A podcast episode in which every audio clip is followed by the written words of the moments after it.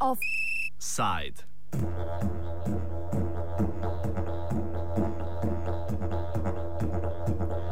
Ni še gotovo.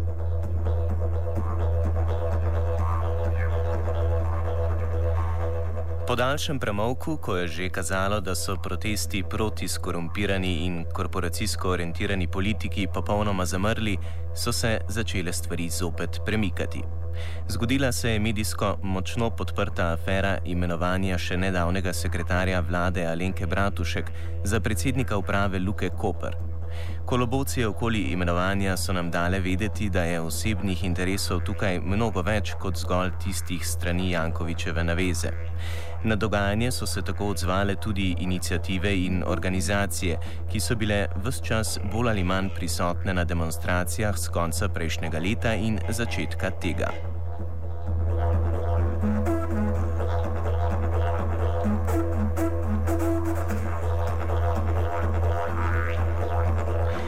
V četrtek so tako napovedani protesti zoper politično-gospodarsko korupcijo, katere smrad je že neznosen.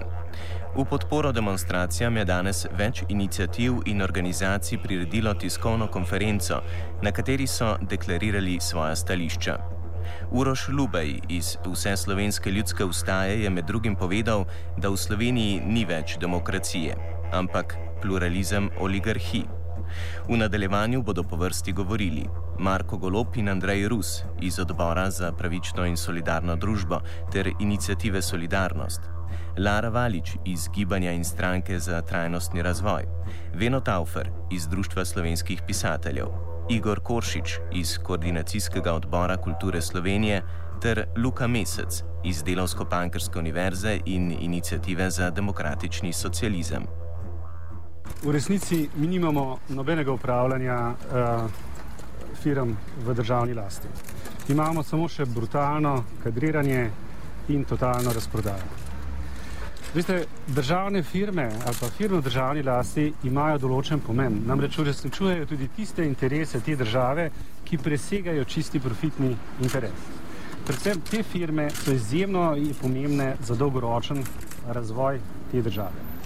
Nažalost, državni upravljalci v tem trenutku se sploh več ne pogovarjajo o strategijah sektorjev, ne pogovarjajo se o strategijah podjetij, ne pogovarjajo se o postavljanju poslovnih ciljev, ne pogovarjajo se o tem, kako bodo kontrolirali te cilje, ni nobenih več sestankov s firmami, edina tema je samo še kadriranje.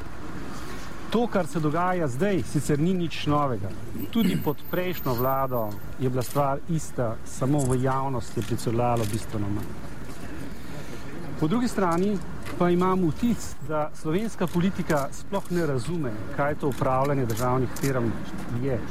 Namreč, da vam minister te vlade, naprimer Erjavec, javno pove, kako bo naročil svojemu nadzorniku, to pove, da ne razume ne slovenskih obvez iz uh, mednarodne pogodbe za OECD, o katerem bo, bo profesor Rus uh, govoril, ta ne razume niti uh, slovenskega zakona o gospodarskih družbah. Ta stvar je kazniva vpliv na nadzornike. To, da ključni ministri te vlade, Čufer, Omrzel, govorijo o tem, kako bodo prevzeli odgovornost za kadriranje. Gospodje moji, vi imate odgovornost za sektorske politike, za strateško smer teh podjetij, ne pa za kadriranje nadzornikov. Ti ljudje sploh ne razumejo, zakaj se gre. Druga stvar je, a je rešitev potem totalna razprodaja in tem, da nam bodo tujci upravljali. Veste, če naj tujci upravljajo naše firme, potem ne pa še državo upravljajo. Ne?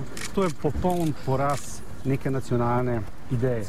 Imate tak primer v Evropi, to je eh, primer romunskega fundul proprieta in po mojih stikih z Romuniji so rekli, nikoli več ne bi šli v nekaj. Mislim, da si moramo prizadevati za stanje, ker se bodo državni direktori bali ne tega, kdo bo zmagal na naslednjih volitvah, ampak tega, da ne bodo dosegli poslovnih rezultatov. Ko bomo to dosegli, bo tudi upravljanje državnih firm na ravni, ki si jo želimo in ki jo potrebujemo. Najprej bi rekel to, to, kar se danes dogaja, je sistem enega političnega prilaščanja, ki v veljavi že 20 let. Kaj je posebno? Posebno je, da je javnost dozorela, da je javnost začela to močno zavračati in da se politična elita v bistvu vedno bolj na viden način poslužuje postopkov političnega prilašanja. Drugač pa morate vedeti, to traja že 20 let, samo naša toleranca do tega je bila nekoč velika, zdaj pa je padla in se približuje nične in to je dobro. To je prva zadeva. Druga zadeva je, ni naš bolj normalnega, da vlada skuša obdržati vpliv na državna podjetja, podjetja v državni lasti. To je normalno. Vsak dober gospodar in naloga vlade je, da dobro upravlja z državno rastino. Vlada mora imeti vpliv. To ni nič narobe. Kaj narobe? Narobe je, da imajo politične stranke vpliv na državna podjetja in da se politične stranke prilaščajo, kar ni njihovo. Politične stranke niso enako država.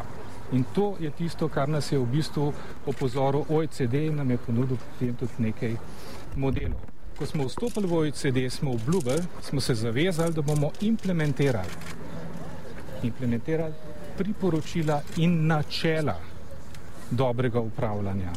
Poglejte, načela niso pravni akt, ki ga preneseš, prevedeš v slovenščino in rečeš, upravili smo nalogo. In ravno tukaj nam je zmanjkalo ker nam niso dali zakona v roke, pa rekli, stori to pa si upravo, ampak smo mogli sami za politično voljo narediti ta korak, nam je pri politični volji zmanjkalo energije. Posledice slabega upravljanja so pa naslednje. Kaos, ki ga imamo, v bistvu tisto, kar se nam zdaj dogaja v očeh tujcev ali pa v očeh naših poslovnih partnerjev, v finančne skupnosti in skupnosti drugih držav, Oni opažajo v bistvu, da je Slovenija v, da se znašla v neki, nekem kaosu.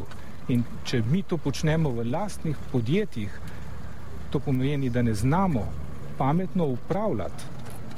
V podjetji v državni lasti ne znamo upravljati niti države. In država, ki, ne, ki ima slabo politično upravljanje, je tarča seveda lahko eh, posebnih interesov, ki ne prihajajo samo od znotraj, ampak tudi od zunaj pomislite, kaj se nam je zgodilo v tem času, ko se je zaostrovala kriza upravljanja, je padla boniteta države.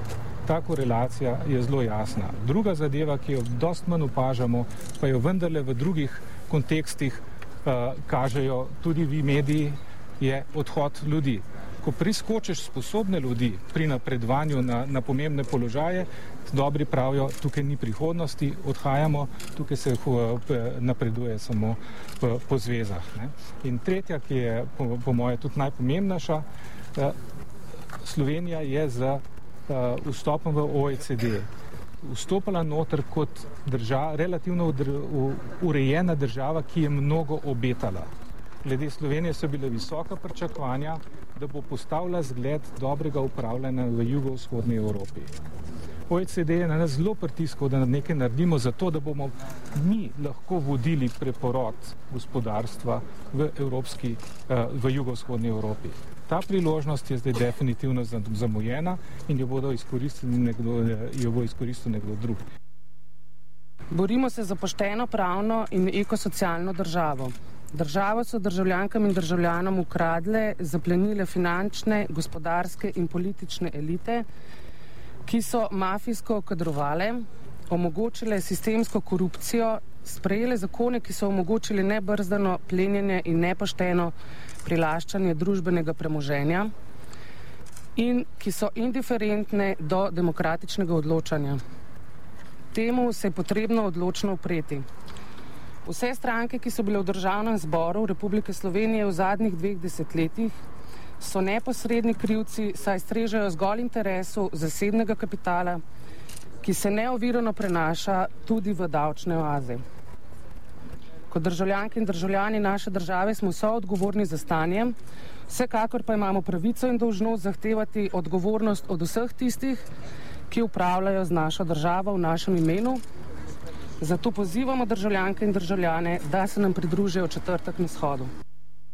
Strajamo zato, ker država propada in to pred očmi državljank in državljanov, ki so obupani in eh, ne zaupajo več. Redko kdo še zaupa izvršni oblasti, se pravi vladi in parlamentu, se pravi zakonodajni oblasti, oblasti da je sposobna karkoli storiti. Dogaja se, da lopovi zmerjajo lopove z lopovi ali pa si dajo odlična sprečevala oziroma sprečevala o odličnosti.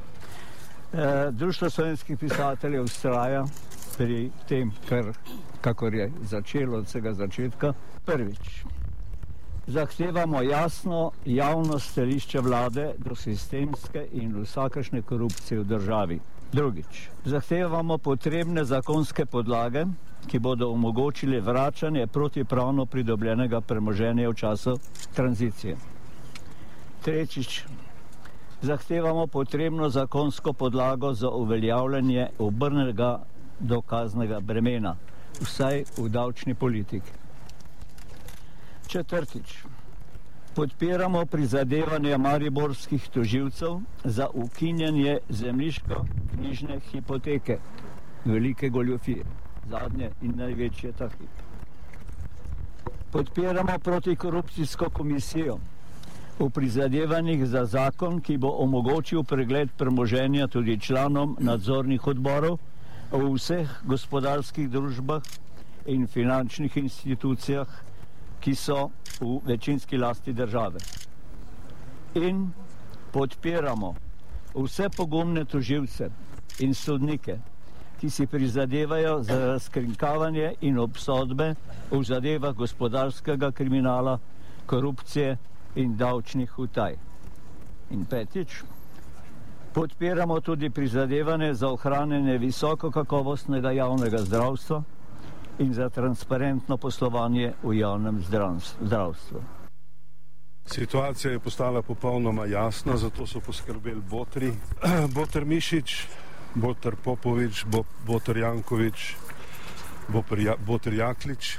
Slovenija seveda ni demokracija, ni niti partitokracija, ampak je mafiokracija. Uh, mislim, da bi vsa civilna družba morala stopiti skupaj. Uh, ustanoviti neke vrste krizni štab, zato da bi zaščitila demokracijo, da bi zaščitila gospodarstvo, da bi zaščitila pravno državo in socialno državo.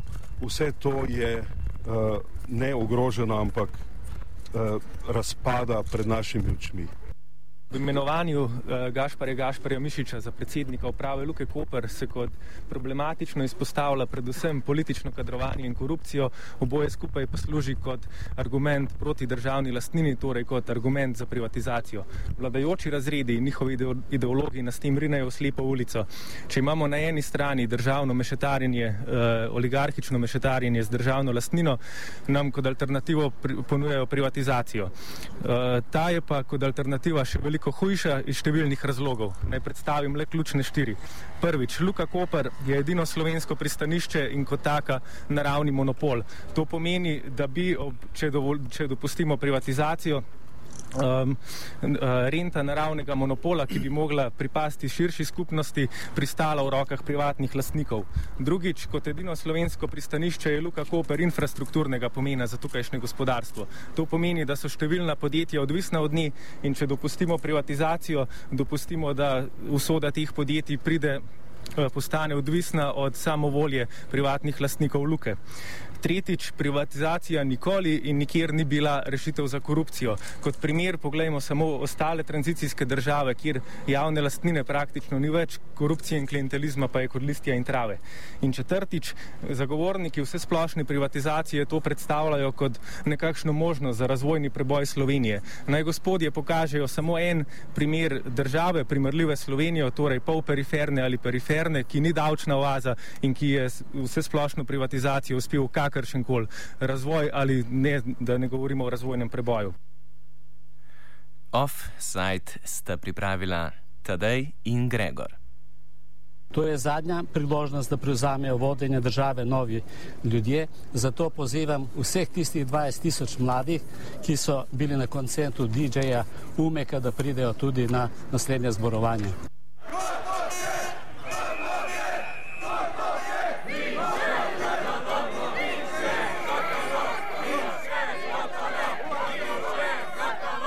Ni še gotovo.